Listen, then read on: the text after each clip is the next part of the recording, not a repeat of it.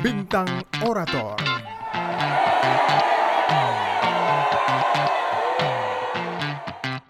Assalamualaikum warahmatullahi wabarakatuh. Om Swastiastu, Namo Buddhaya, salam sejahtera bagi kita semua. Bapak Ibu yang saya hormati, perkenalkan, saya Sarah Leonora. Saya seorang legal staff yang aktif dalam mengkaji peraturan perundang-undangan dan kebijakan publik. Bapak Ibu yang saya muliakan, sebanyak 91 juta data pribadi pengguna Tokopedia bocor. Hal ini menunjukkan bagaimana lemahnya sistem perlindungan data pribadi di Indonesia.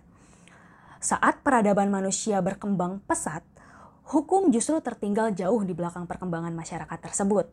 Hingga saat ini, belum ada undang-undang yang secara khusus memaksa para penyedia jasa sistem elektronik untuk mengamankan dengan maksimal data yang dihimpunnya.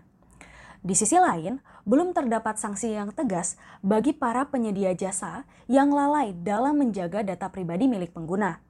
Adapun kekosongan hukum atau vakum reh menyebabkan penegakan hukum kebocoran data pribadi menjadi tidak optimal.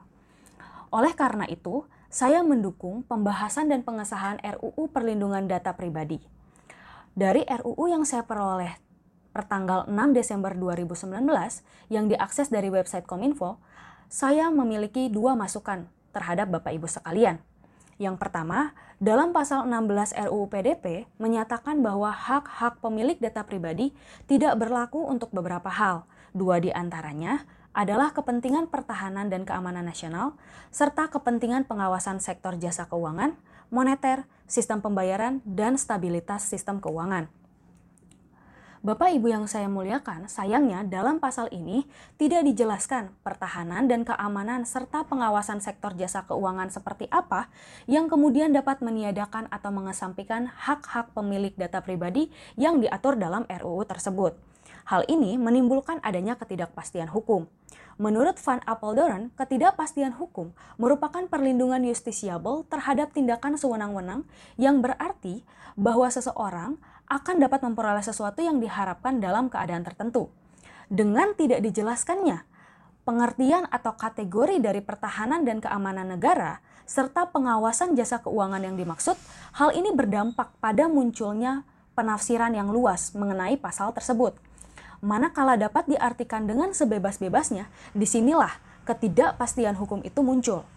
Hukum tanpa kepastian hukum menjadi kehilangan makna, dan tidak dapat dijadikan pedoman perilaku. Oleh karena itu, pasal ini perlu diatur secara jelas dan logis. Jelas dalam artian tidak menimbulkan keraguan-raguan atau multitafsir, dan logis dalam artian dapat diterapkan. Apalagi pasal ini menyangkut pembatasan hak asasi manusia, sehingga perlu dipertimbangkan dengan bijaksana alasan-alasan negara seperti apa yang kemudian dapat menyimpangi atau membatasinya. Yang kedua ialah ketentuan pidana dalam bab 13 pasal 61 sampai dengan pasal 64 RUU PDP belum mengakomodir sanksi bagi pengendali data pribadi yang melakukan kelalaian sehingga menyebabkan kebocoran data tersebut. Sanksi pidana dalam RUU PDP hanya diberikan kepada mereka yang secara sengaja dan melawan hukum memperoleh atau mengumpulkan data pribadi yang bukan miliknya, mengungkapkan, menggunakan, memasang dan atau mengoperasikan, memalsukan data pribadi, serta menjual atau membeli data pribadi. Sedangkan kebocoran data karena faktor kelalaian belum diatur dalam RUU tersebut. Sehingga dalam hal terjadi kebocoran data seperti halnya dalam kasus Tokopedia yang sempat saya singgung sebelumnya, penegakan hukum menjadi belum atau bahkan tidak jelas sehingga memunculkan pertanyaan, dapatkah pengendali data pribadi dipidana atau tidak menjadi perdebatan baru atau pertanyaan baru.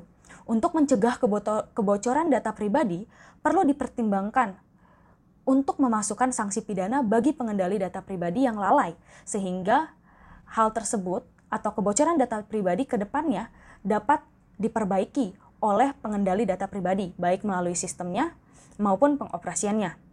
Demikian dua masukan saya terhadap RUU PDP. Semoga apa yang saya sampaikan tersebut dapat menjadi pertimbangan Bapak Ibu sekalian. Atas perhatiannya saya ucapkan terima kasih.